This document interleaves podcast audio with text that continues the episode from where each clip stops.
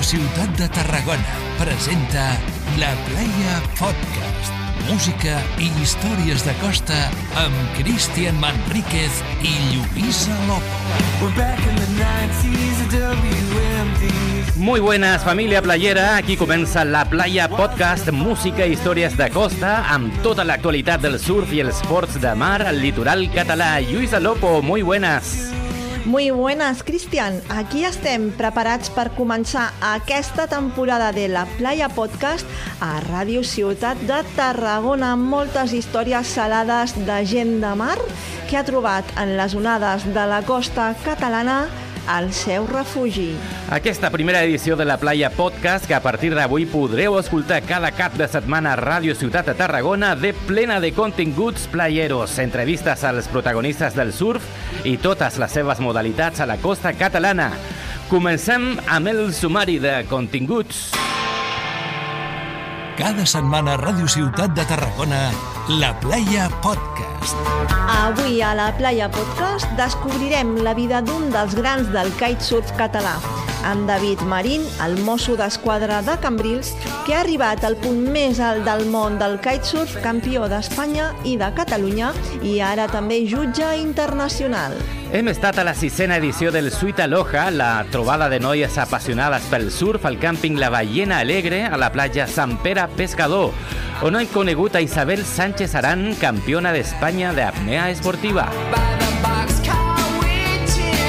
Avui estrenem l'entrevista a Clàudia de Gispert, instructora de surf que ens explica la seva passió pel surf i sobretot pel longboard que han derivat en la creació del seu projecte personal, la Long Tribu. A més a més, les novetats musicals de la setmana i la visita a l'estudi de Luis Martínez, un dels pioners del surf a Tarragona. Comencem.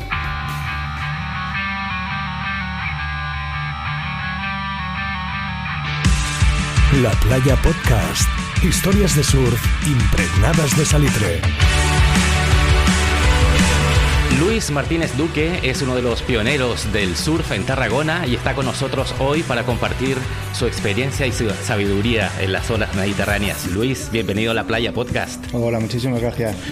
¿Crees que Tarragona vive de espaldas al mar? Bueno, físicamente vive de cara al mar, pero muchas veces no es consciente la gente de las cosas que se pueden hacer en el mar, tanto como deportes, rutas y, y actividades al aire libre. No somos conscientes ¿no? De, de, la riqueza que tenemos a la orilla del mar. No, nunca somos conscientes. Al final nos damos cuenta de lo que tenemos cuando dejamos de tenerlo. Cuando te vas de viaje y estás una semana sin ver el mar, si realmente te gusta, eh, te das cuenta de que lo echas de menos. ¿Cuándo comienzas a surfear, Luis? Bueno, tendría sobre 15, 16 años, eh, hace, bueno, unos cuantos ya. Eh, me gustaba mucho el mar, iba yo siempre con el skate, con el monopatín, y bueno, tengo unos tíos que les gustaba el windsurf y hacían windsurf en el club náutico de, bueno, el marítimo de Tarragona, la Playa Larga, y ellos iban a hacer windsurf y tengo un hermano que es un año y medio mayor que yo, iba él a jugar con las tablas de windsurf, con las olas, y bueno, eh, me vino un poco la afición por ahí, mi hermano empezó a comprar revistas de surf, él tuvo un accidente, se le dio la vuelta a la tabla, se cortó un poco el pie bueno, tuvo un pequeño accidente que tuvo que salir en, en urgencias eh, con, la ambulancia. Como que le cogí un poco de miedo, pero la afición por el surf seguía y compraba las revistas. Yo llegaba a casa, veía las revistas, me llamó mucho la atención y al final, pues en el año 94 compré mi primera tabla. Bueno, Luis, nos has explicado un poquito cómo te iniciaste, ¿no? Cómo entraste en conexión con el surf, pero ¿de dónde te nace ese amor por el surf? Bueno, amor por el surf, eh, no te sabría decir exactamente en qué momento empieza, pero sí cuando te das cuenta que realmente es lo que te gusta. Y es cuando empiezas a, a dejar de hacer cosas que te han gustado siempre por intentar hacer surf. Es decir, estás en un sitio y estás pensando, que tus amigos están haciendo surf o que pueden estar haciendo surf y quieres dejar de estar en ese sitio para estar con tus amigos haciendo surf. Y hablo de trabajo, hablo de posibles relaciones, familia, hablo de muchas cosas. Entonces ahí es cuando incluso te preocupas, ¿no? De decir, hostia, ¿cómo puede ser que prefiera estar en la playa con mis amigos haciendo surf en el mar que lo que estoy haciendo ahora mismo que igual debería ser más importante? Y, ahí te preocupa un poquito más. ¿Y cómo es ese, ese día a día? Mi semana empieza mirando las previsiones de viento y de olas y organizándome en función de esas previsiones. Yo sé que tengo que trabajar todas las mañanas, pero tengo las tardes libres, entonces me las organizo en función de si va a haber viento o va a haber olas. Hablo de mí, pero eh, yo creo que todo el mundo hace lo mismo, porque al final nos encontramos todos el mismo día en el mismo sitio, ¿no? Entonces, si no puedes ir, la verdad que lo estás pasando mal. Y, entonces esa forma de, ver, digamos, tu vida es la que mm, lógicamente te llena muchísimo, pero a la vez te preocupa, porque hay gente que no lo entiende. Y, bueno, desde el año 94 al año en el que estamos, yo todavía sigo pensando igual, eh, sigo poniéndome nervioso cuando voy a la playa y sigo intentando escaquearme cuando estoy haciendo algo que realmente me está ocupando el no ir a la playa. Muchos de los invitados y entrevistados que hemos tenido en la Playa Podcast nos hablan de que han escogido su trabajo para estar más tiempo en el mar. ¿Es el caso tuyo? Bueno, muchas veces eso por desgracia no es una lección, ¿no? Pero sí que es verdad que intentas adaptarlo a ello.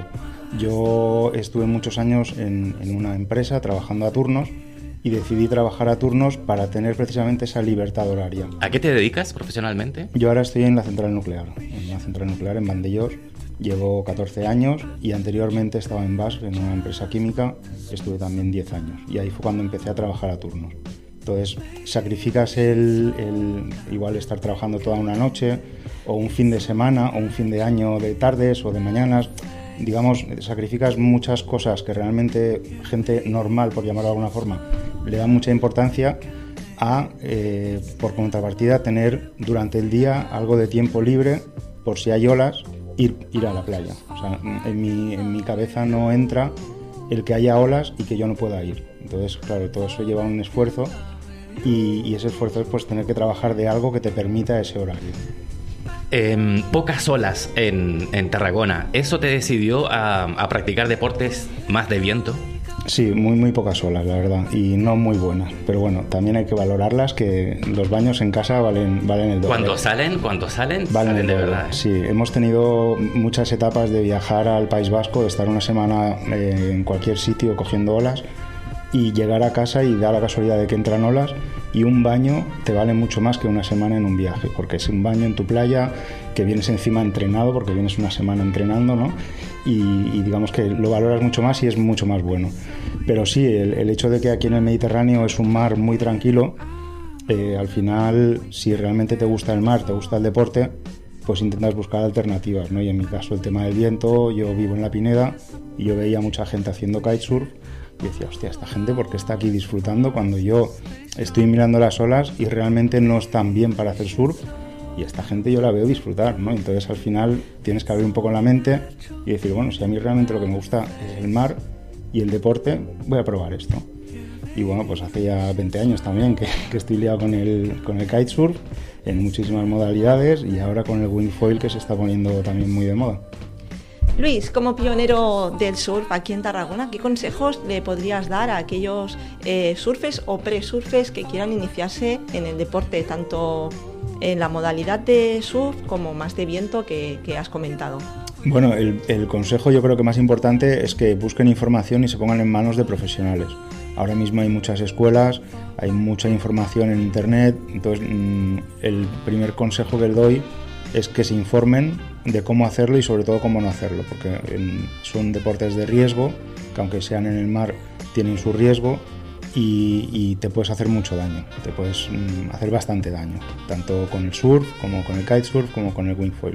Nosotros hemos tenido la mala suerte, por llamarlo de alguna forma, de que al ser mm, como los primeros hemos aprendido a base de hostias, ¿no? Eh, a base de hacerte daño, a base de... Yo, por ejemplo, estuve un año para ponerme de pie en la primera tabla que compré, no había nadie que te aconsejara qué tabla comprar, no había nadie que te aconsejara cómo hacerlo, no había información, no había internet, había revistas, entonces ahora mismo la facilidad que tienes es que en cualquier momento puedes ir a un curso, a una escuela, te enseñan cómo hacerlo, con tablas específicas cómo hacerlo, te dan consejos de lo que tienes que hacer, de lo que no tienes que hacer. Piensa que cuando coges una ola y te caes, lo primero que quieres hacer cuando estás en el agua es salir del agua, mm, lo más seguro que la tabla la tengas arriba, entonces te tienen que decir cómo tienes que salir del agua para no darte en la cabeza. Eh, básicamente yo lo que digo que entres al agua y salgas sin hacerte daño, sino que solo hayas disfrutado, que no lo hayas sufrido. Luis Martínez, muchas gracias por haber compartido con nosotros estos minutos y esto sirve como de presentación porque Luis estará con nosotros como colaborador, aportando su experiencia y trayendo invitados a la Playa Podcast. Muchísimas gracias por contar conmigo y espero ah, traer gente interesante que seguro que tiene muchas historias que contar. Muchas gracias, Luis. Gracias. La Playa Podcast. L'actualitat de la cultura surf a la costa catalana a Ràdio Ciutat de Tarragona. Si vols saber més de nosaltres, ens pots trobar a les xarxes socials. Lluïsa, com es pot seguir connectats a la vibra costera de la playa? Molt fàcil, Cristian. Estem a Instagram, YouTube i a Spotify, on és molt fàcil trobar-nos. A totes les xarxes estem com La Playa Podcast. Estàs escoltant La Playa Podcast. Tots els protagonistes del surf i les seves modalitats del litoral català a Ràdio Ciutat de Tarragona. Hoy nos sumergimos en el fascinante mundo del kitesurf con uno de sus grandes exponentes. Nació en Salou el año 1981, aunque ha vivido toda su vida en Cambrils. Es mozo de escuadra de profesión, campeón de España el 2018 de kitesurf y tres veces seguidas de Cataluña. David Marín, ¿qué tal David? ¿Cómo estás? Hola, buenas tardes. Bienvenido a la Playa Podcast. Tenía mucho, muchas ganas de conocerte Yo y de saber de tu vida. Yo también, Cristian. ¿Es verdad que mm, te hiciste mozo solo para tener más tiempo de hacer kitesurf? Es feo decir eso, pero sí que es cierto que cuando yo empecé con esto del kite, era como que los que practicaban este deporte eran o, policías o eran bomberos, eh, más, más que nada porque tienen mucho tiempo libre o tienen más días de fiesta y pueden practicar ese deporte. Y fue como que, ostras, pues esto igual me interesa. Y yo quería practicar, quería hacer kite y mi trabajo no me permitía estar en la playa siempre que quería o todo el tiempo que yo quería. Y, y vi que el enfoque podría, podía ser ese para, para tener más tiempo para, para navegar y, Querías ser bombero también, ¿no? ¿Por qué te Exacto. decidiste por ser policía al final? Eh, es más, estaba haciendo las sopos de bombero cuando, cuando aprobé para, para Mosu. Y, y bueno, ya entré en la academia de Mosus y fue como, bueno, pues me pongo, me presento a Mosus, acabo las prácticas y más adelante era muy joven, entré con, con 24 años en la, en la policía. Y, y pensé, bueno, más adelante ya, ya lo cambiaré o ya, ya volveré a retomar lo de, la- lo de los bomberos. Pero finalmente me, me encantó el trabajo de policía, estaba muy a gusto, lo disfrutaba y lo sigo disfrutando. Es curioso que habiendo nacido en Cambrils, eh, no te haya traído ningún deporte de mar, ¿no? Hasta ya 20 años cuando empiezas a, a estudiar o cuando lo descubres en Portugal. Sí, sí, sí. Fue en el 2001, una cosa así, que fui a, fui a ver un campeonato en, en Portugal y pensé, ostras, este deporte está muy guay para el que lo practica, pero claro, estamos en la orilla viéndolo, una, un vendaval, frío, y pensé, ostras, esto no está muy guay para practicarlo, pero no para verlo. Y ahí fue cuando dije, ostras, pues esto está guay. Cuando volví a, a Tarragona, unos amigos eh, se habían comprado material justo eh, en, ese, en esa época y dije, ostras, pues esto lo he visto yo en Portugal, qué tal, que está muy guay. Y empecé a practicarlo con ellos y ahí ya empezamos a empezamos con, toda con toda esta fiesta hasta el día de hoy. y a competir a nivel nacional e internacional, ¿no? Campeón de Cataluña tres años seguidos, 2011, 2012 y 2013, ¿no? Muy bien, sí, esto, bueno, empecé a competir en el 2009 porque éramos un grupo de amigos, yo de aquella vivía en Barcelona, trabajaba en Barcelona y teníamos un grupo de amigos que estábamos muy picados con el tema de, la- de las maniobras, de los trucos y, y empecé a competir haciendo freestyle como, como un viejo amigo tuyo César.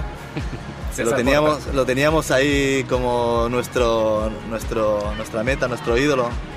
Y ¿César claro, Portas era vuestro ídolo? Sí, de aquella, claro, César estaba cuando nosotros empezamos a competir, aparte yo navegaba en Castelldefels y César estaba al más alto nivel de aquella, de aquella época, entonces era como que era alguien al que admirábamos y al que todo el mundo veíamos como hostia, un tío catalán que pueda estar ahí, ¿no? Es, y mira, ahora lo tengo como compañero de juez y, y no, un gran amigo mío.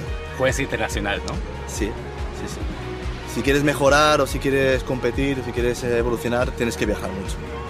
Por un lado, parece que lo he dicho de forma triste, como que, hostia, tienes, tienes que moverte mucho, viajar mucho, pero por otro lado, pues es, es muy guay, es muy bonito eh, poder conocer sitios nuevos, países nuevos.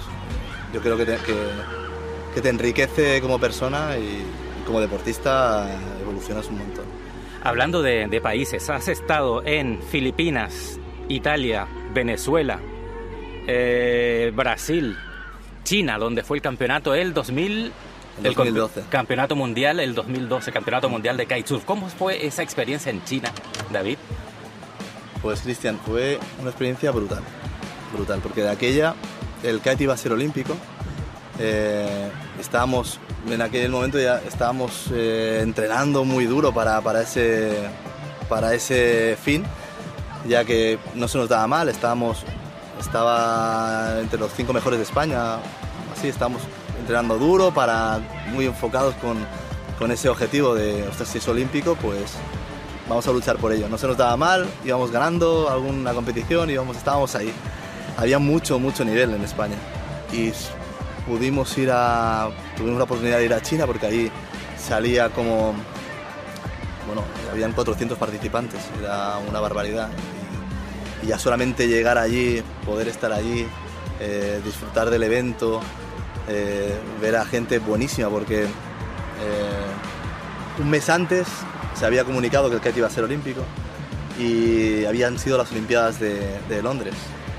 Y gente que venía de otras modalidades de la vela se fueron a China a competir como invitados. O sea, habían medallistas olímpicos del windsurf, de la vela ligera, que vieron que, que igual era una oportunidad para, para competir en otra modalidad, como el kitesurf. Y vinieron a competir a China también como invitados. Y fue un super evento en un país increíble. eh, una- ¿Qué ciudad era? Era Hainan. ¿Cómo es esa Eso ciudad? es una isla eh, que hay en... eh, no, es una isla eh, que se creó como una isla arti- artificial porque se creó como... Era un espacio que querían eh, hacerla crecer con edificios nuevos, hoteles nuevos, todo a estrenar. Nosotros estrenábamos es- e- ese hotel, un hotel de cinco estrellas, no sé. Era muy curioso todo, la verdad es que fue una experiencia brutal.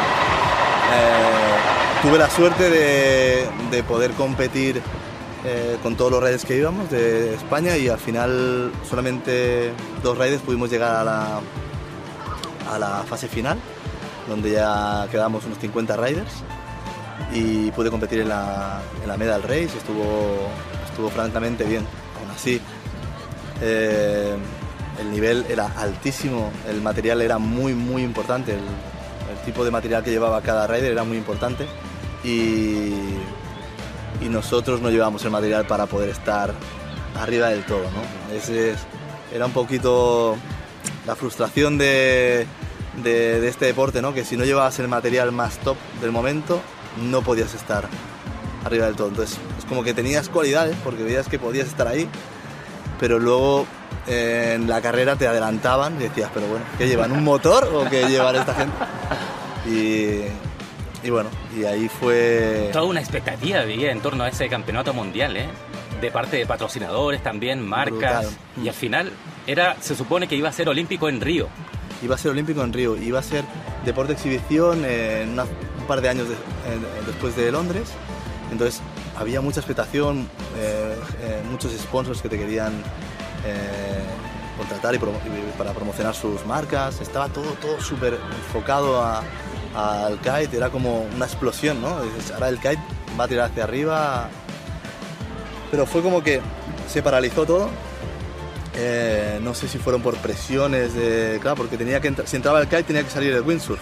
Y el windsurf siempre fue un deporte muy potente eh, a nivel mundial y, y al final no sé qué pasó ahí. Hubo una bola mágica que dijo, oye, que el kite que no. Y es más, ahora, después de 10 años, ¿no? el siguiente campeonato, el año que viene será finalmente olímpico, una modalidad race, nada que ver con lo que yo hacía, bueno, sí que tiene mucho que ver, pero el material es completamente diferente al que con, Con el que yo competí. Van con foils, con unas tablas súper ligeras, muy cortitas, que, una velocidad mucho más rápido que nosotros, que nosotros ya íbamos muy, muy rápidos, pero ellos van mucho más rápidos, una, una modalidad espectacular. Y, y que nada, vamos a tener a Gisela de momento como, como chica, Gisela Pulido primera, confirmada. confirmada. ¿Cómo, cómo lo ves, David? ¿Hay opciones de medalla para, para España? Por supuesto. Gisela lleva muchos años preparándose para esto y es una deportista excepcional, una kiter eh, increíble.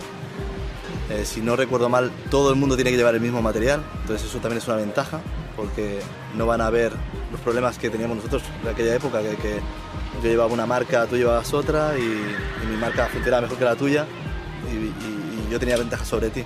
Aquí todos llevarán la misma marca, la misma cometa, el mismo fuselaje, entonces eh, Es es, más justo. justo. es más justo. Aunque luego cada uno le hace sus trimajes. ¿eh? Esto es como los- la Fórmula 1, cada uno hace sus ajustes, tocan el alerón, tocan cuatro cosas y, y consiguen sacarle un puntito más. Pero bueno, eh, Gisela ya lleva muchos años preparándose a full y creo que, que puede ser puede ser perfectamente campeona olímpica. ¿Cuáles son los principales riesgos de practicar kite? Sobre todo, para mí el, el mayor riesgo que hay es eh, no tener respeto a- al mar, al material que llevas y al deporte que estás haciendo y dónde, dónde lo estás haciendo. Eh, por desgracia, eh, veo dramas eh, allí donde voy, ¿no? Gente que se le suelta la cometa y atrapa a otros, cortes de líneas, golpes con la tabla en la cabeza. Puedes tener cosas, por suerte, eh, el material es muy seguro, todo es muy seguro, puedes tener accidentes. Yo me, me corté la oreja el año pasado. ¿Cómo? Bueno, pues la tabla me golpeó. Eh, me golpeó en, eh, en un lado. Parecía como me ha golpeado mil veces. Pero bueno, típico un chichón, tal. Sí que alguna vez algún corte. Pero me golpeó lateralmente y dije, "Ay, parece que, que me he hecho algo. Y bueno, cuando me toqué así tenía la oreja colgando. Uf, Nada, eh, nada que no se corte, co- que no se cure con unos puntos de sutura y, y ya está. Em, ahora eres juez internacional. ¿En qué consiste ser juez internacional y cómo surge la, la posibilidad de serlo? Bueno, el ser juez eh, implica, pues bueno, pues ir a los eventos, estar eh, haciendo lo que te gusta, porque a nivel de como rider, eh, sinceramente yo ya he llegado a una, a una etapa ya de, de que voy a seguir compitiendo, porque me, encanta competir y voy a intentar hacer algunas pruebas que realmente me apasionen y me gusten y voy a seguir compitiendo en alguna de ellas. El año pasado saliste segundo, ¿no? De España. El año pasado quedé tercero, Tercero. En, el, Campeonato de España de, de olas en Canarias y este año que se hace en diciembre voy a, voy a competir también y ese era, es el objetivo que tengo este año, poder hacer un buen papel en, en Canarias a nivel de competidor. Y luego como, como juez, pues bueno, eh, llevo muchos años en, en- compitiendo en todas las modalidades, conozco bien el- los procedimientos eh, y, bueno, se me ofreció la posibilidad de, de poderlo hacer, hice curso de juez eh, hace ya un tiempo. Y bueno, fui haciendo prácticas y en algún evento iba, me ponía ya a juzgar, tal. Y poco a poco eh, me fueron dando más responsabilidad, he ido participando más en, los campeonatos de España. Y ya este año hice, el año pasado ya hice un par de campeonatos del mundo, campeonato del mundo junior y el campeonato de- del mundo de wingfoil también. Y, y nada, y este año me estrené como jefe de jueces en el Campeonato de España de, de kite, que es, es otra, bueno, otro escalafón más, porque no estás de juez, sino que estás como supervisando el trabajo que hacen los jueces. Hoy en día tu vida gira en torno al, al kite, ¿no? Te levantas temprano por la mañana y ves las previsiones a ver si puedes, en- puedes entrar. Sigue siendo así desde hace más de 20 años. Me levanto por la mañana y lo primero que hago es mirar la previsión meteorológica y según, según me diga lo que hay, pues así genero mi día, mi semana. Sí, sí, sigue siendo así. Es difícil de entender, pero, pero así es. ¿Es Cambrils tu casa un buen spot para practicarlo? Es un buen spot, sí. Lo único que estos últimos años hemos tenido, no hemos tenido muy buenos vientos, no hemos tenido temporales. Han habido temporales que la gente recuerda como temporales muy grandes, pero hace años teníamos más temporales, igual no tan potentes, pero sí más seguidos. Eh, Teníamos, navegábamos mucho con, con vientos térmicos que eran más fuertes que ahora. Hemos notado que había un cambio nosotros con el, con el tiempo también. Hemos notado que, que todo ha ido cambiando, como que nos hemos tenido que desplazar más para poder practicar. Antes se navegaba más, creo que había más días de viento que, que ahora. ¿El Delta del Ebro sigue siendo un spot más atractivo, más, más guay para practicar kitesurf? El Delta del Ebro es un spot muy, muy recomendable para, para, para, entrenar, para practicarlo, para aprender también, porque tienes una laguna donde haces pie en casi toda la laguna, no cubre, está, está muy bien. Y, y aparte es un sitio magnífico, espectacular, como, entorno es, una pasada. Se navega con un viento con el que no navegamos, que tenemos mucho aquí en la zona de Tarragona, que es el Mestral, que es un viento de tierra, y que allí, por las circunstancias de cómo está ese delta, el viento lo, tienes de cara, que es como se suele navegar con kite, es un viento, viento onshore, que es seguro, un viento seguro, y que solamente lo podemos practicar ahí, porque en el resto de la costa es el viento offshore y es, es peligroso navegar eh, con viento terral. Porque si tienes cualquier movida, cualquier accidente, pues acabarías lejos. Hay un, hay un spot del que no se habla, pero porque, porque es un secret spot, pero que está aquí en, en Tarragona, una izquierda maravillosa, Sí, sí, cerca de tu casa. sí. ¿Sí? ¿Vas mucho por ahí? Voy yendo, pero no es una. No es. eh, voy, voy. Cuando hay, cuando hay, cuando sale, voy. Sí, también es un spot que no es para todo el mundo, entonces. eh, ¿Por qué no es para todo el mundo? porque es peligroso. Ahí hay mucha roca, mm, puedes mm, romper material, el viento no es perfecto, pero, pero cuando sale merece la pena jugarse. Así que yo suelo estar por ahí. ¿Con qué le recomiendas al spot? El secreto mejor guardado sí, de la provincia de Tarragona. sí, sí, sí. ¿Cuáles son las eh, principales gratificaciones que te ha dado el kitesurf en tu vida? Bueno, realmente es todo.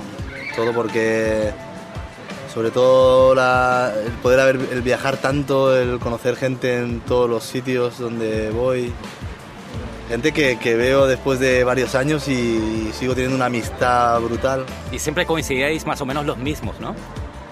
Sí, siempre, siempre acabamos coincidiendo en playas distintas, de, en sitios, en puntos diferentes del mundo eh, y ya en, en- la península eh, también, ¿sabes? Es como que todos nos movemos por los mismos sitios y nos encontramos en puntos diferentes y es gente eh, cojonuda, sobre todo lo que me llevo de, de- del kite es, es- es la gente, es la, la comunidad que hay, que ahora cada vez es más grande y más grande y más grande, pero aún así eh, se sigue teniendo esos valores de, de buen rollo y de, de pasarlo bien, de ser felices, que al final eh, vivimos una vida un poquito estresante, con muchas, muchos problemas todos, ¿no? Y, como que es una manera de salir de todo esto y, y, eh, ver otro ambiente, escuchar otras palabras, ¿no? Hablar de cosas divertidas, de, de servirte un poco de, del día a día, ¿no? Y el kite para mí ha sido eso, ha sido salir de, de todo, ser feliz, eh, viajar, conocer gente. David Morín, muchas gracias por haber compartido con nosotros y dejarnos conocer un poco más de tu vida y haber dejado tus huellas hoy en la playa. Muchísimas gracias a vosotros, Cristian. Ha sido un placer.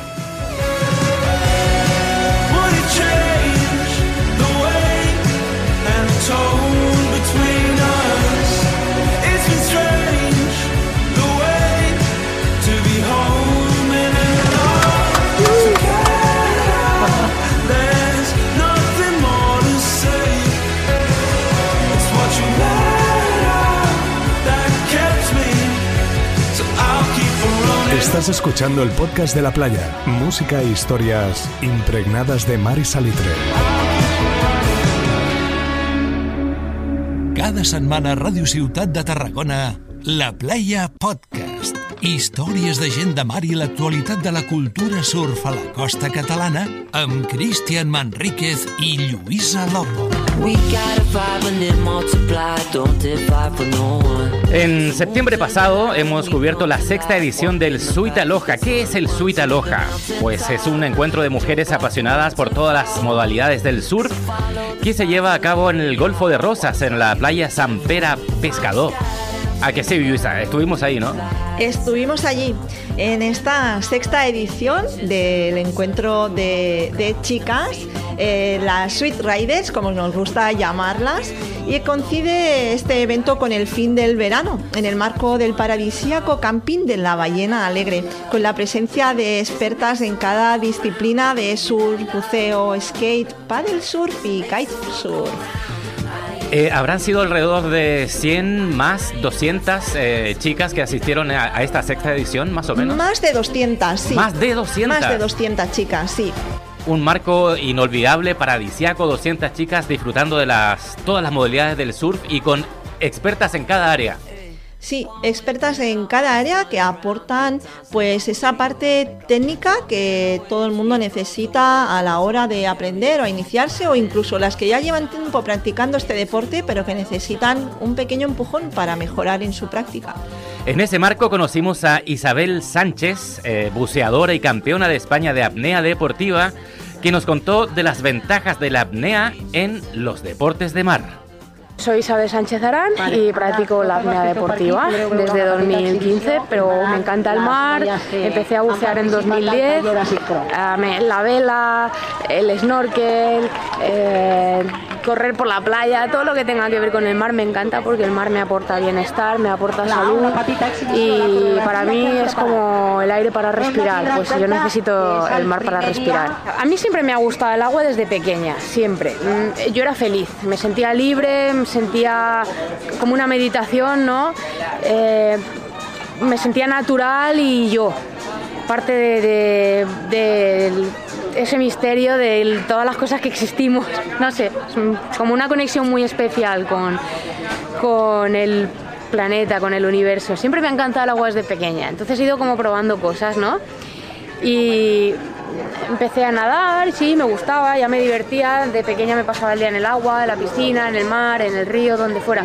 Luego en 2010 probé el buceo con unos amigos y me encantó, porque el hecho de estar debajo del agua, poder permanecer allí, entrar a, como visitante a ese universo que, que es ajeno ¿no? de, otros tipos de, de seres, eh, también me, me fascinó. Pero se me quedaba corto, porque estás todo el día preparando material, sal, luego buceas 30 o 40 minutos a lo sumo y venga todo el día a recoger y a limpiar material.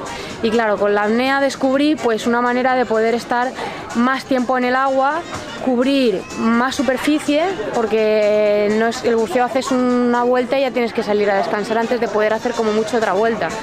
Pero en apnea puedes estar toda la mañana si quieres, puedes ir aquí, puedes ir allá, puedes volver y, y descubrí una excusa eh, en la apnea pues para, para poder estar más tiempo ahí. Y bueno, también es muy bonito el hecho de conectar con tu respiración, cosa que en scuba no pasa. Y las sensaciones en apnea son muy diferentes. El- sientes como una especie de, de subidón por el hecho de estar contento la respiración y conversando con tu propio cuerpo y con tu propia psicología, además de con el entorno marino. Es como una especie de trance diferente. En la apnea es muy importante ir desarrollando el autoconocimiento y la autogestión del, del cuerpo y de la respiración. Entonces, ¿cómo sabes ¿Cuándo tienes que salir? ¿Cómo sabes dónde está tu límite? Pues en un principio no lo sabes, lo vas descubriendo a través de la práctica segura con tus compañeros y siguiendo pues las reglas de seguridad que hemos desarrollado dentro del deporte. A nivel competición, porque claro, la apnea tiene una parte que es mucho más amplia, que es recreativa.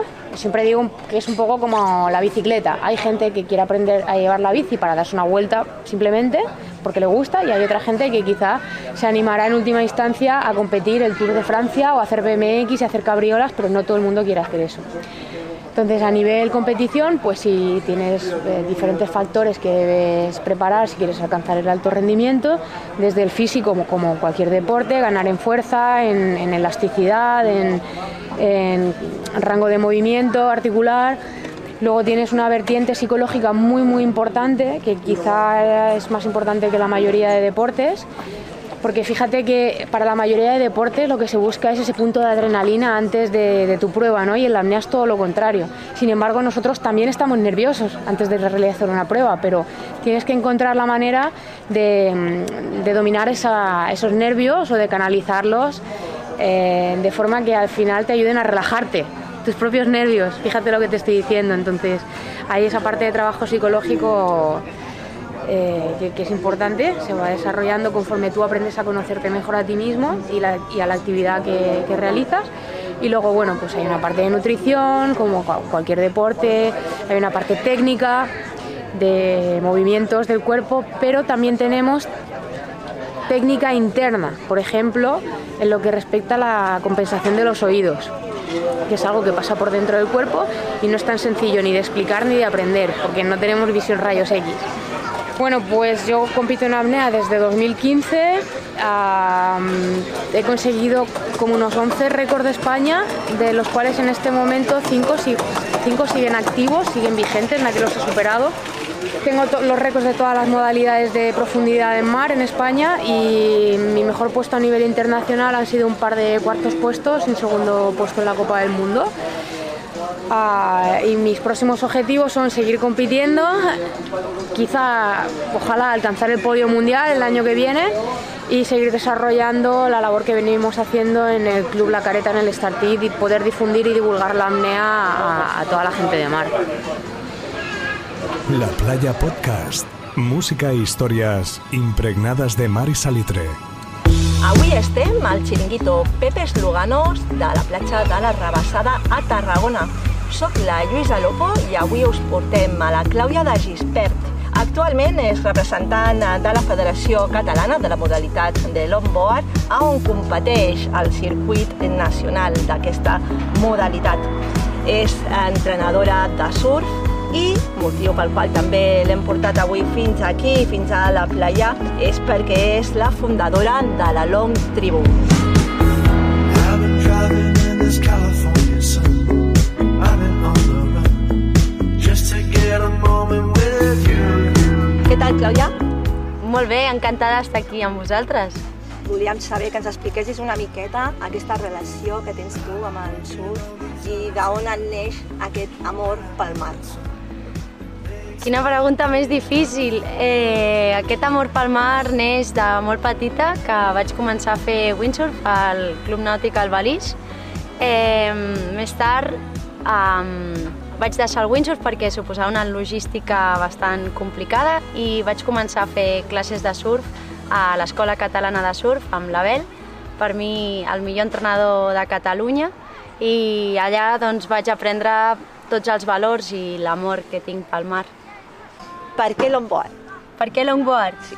Perquè bueno, vaig arribar a un moment de la meva vida que el surfing amb taula curta es va, em vaig estancar moltíssim i em vaig tornar una corxifant.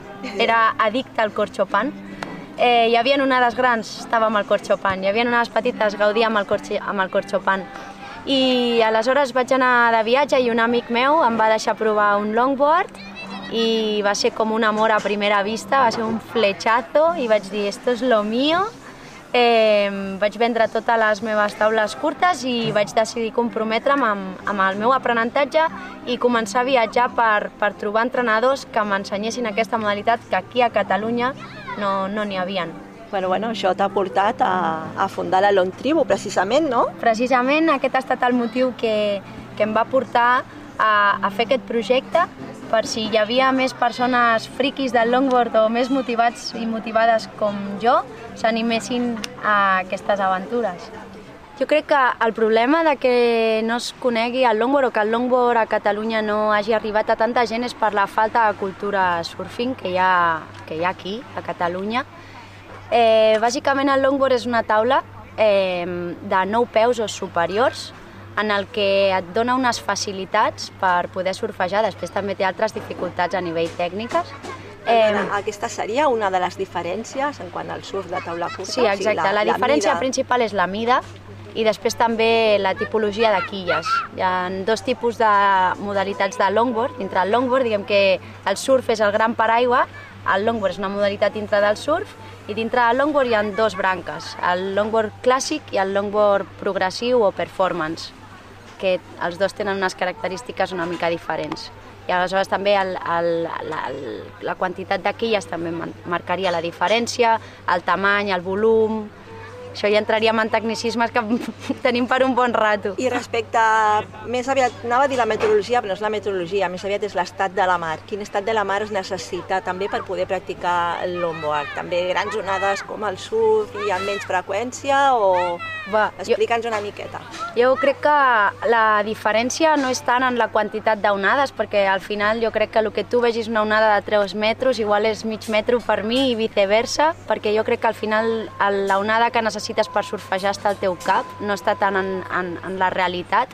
Eh, sí que és veritat que les persones que surfegen amb, amb longboard eh, busquen un tipus d'onada més noble, una onada més, més tranquil·la, més fluida, que obri més, no busquen rebentar la onada, eh, onades radicals eh, amb molta potència, o sí, però és més l'energia de la onada eh, és més tranquil·la. Aleshores, no crec que hi hagi una mesura estàndard. A partir d'aquest tamany has d'anar amb longboard, a partir d'aquest tamany has d'anar amb taula curta.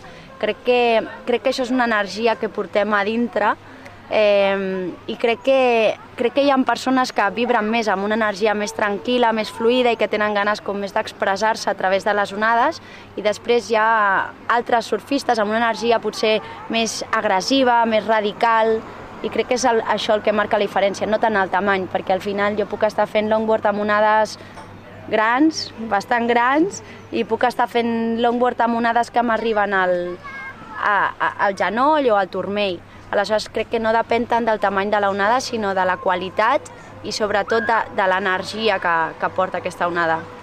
Vale, hi ha algú que es vulgui iniciar eh, en el longboard, quins consells ens?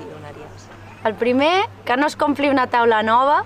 Aquest seria el primer consell que, que li donaria a algú que acaba d'iniciar-se i també que, que invertís durant un temps del seu procés d'aprenentatge en entrenadors que l'acompanyin, que, que l'entenguin a entendre la mar, que no es gasti els diners amb la taula més xula, sinó que, que busqui taules de longboard, per exemple, a Wallapop, o si pot ser, eh, el millor que podria fer és començar amb una taula de soft, encara que sigui inferior a 9 peus, però al final crec que per començar algú que vol iniciar-se al longboard ha de, ha de començar surfejant sobre una base de surfing segur i al final les tables soft ens donen una seguretat a l'aigua que et pots caure i donar-te un cop que no et faràs el mateix mal que et pots fer, per exemple, amb una taula de fibra o d'epoxi.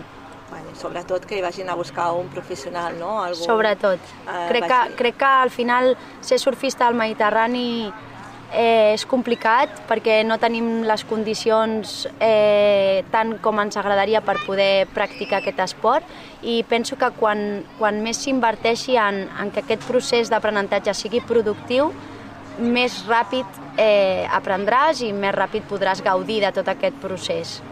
Per mi el bo del surf és que no hi ha sostre, sempre pots seguir aprenent, sempre pots seguir millorant i el bonic d'aquests viatges que he fet aquest any eh, per tota la península ha estat descobrir que de cada entrenador em puc endur el millor. Aleshores, si, pogués, si hagués d'escollir entre els meus gurús, per començar seria el gurú de casa, que és l'Abel Marçal, eh, després seria el José Luis Verasaluce, de Surf, eh, Verasaluce Surf Escola, la Maria Lafuente, per mi és una gran inspiració, i el Miguel Sampalo.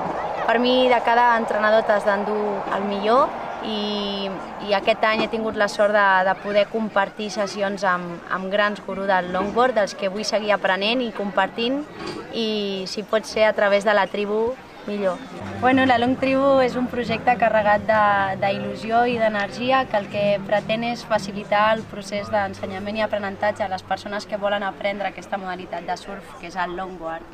Aleshores, eh, a través de la Long Tribu, bàsicament el que fem és oferir diferents serveis, que uns són els eventos, els encuentros, en els que treballem el surf també fora de l'aigua i invitem a diferents referents que venen a treballar des de diferents disciplines, ja sigui des de la branca de la psicologia, eh, des de la branca de l'entrenament físic, per preparar-nos perquè puguem gaudir més dels banys els dies que, que tenim les condicions adequades. Després també tenim els viatges, els surf trips, que bàsicament el que fem és anar amb, amb entrenadors de referència per diferents parts de la regió, de diferents llocs d'Espanya. I, bueno, eh, per conèixer la Long Tribu, bàsicament el que, el que heu de fer és seguir-nos a Instagram de moment, perquè és un projecte molt petit, que està creixent mica en mica, i, i animar-vos a venir als, als eventos, als viatges i a tot el que puguem organitzar per, per totes vosaltres. Eh, així, a mode d'anècdota, em passa molt que jo a l'aigua no parlo. Parlo molt fora de l'aigua, però quan vaig a l'aigua és com un exercici cap endins, és un exercici eh, que faig per mi i estic com totalment aïllada de, de tothom. L'únic que compartim, de fet, quan anem amb tribu també també anem als viatges i cadascú està... Estem junts per donar-nos seguretat i per, i per donar-nos compa bueno, companyia, però al final cadascú està en, en su movida, en su momento, gaudint d'aquell moment tan màgic i, i la gent es riu perquè quan estic a l'aigua em diuen que no parlo i que soy el tiburón Clàudia perquè vaig remant a totes les onades que veig, intento sempre aprofitar aquell moment tan bonic en el que les onades venen a morir a, a la sorra amb nosaltres.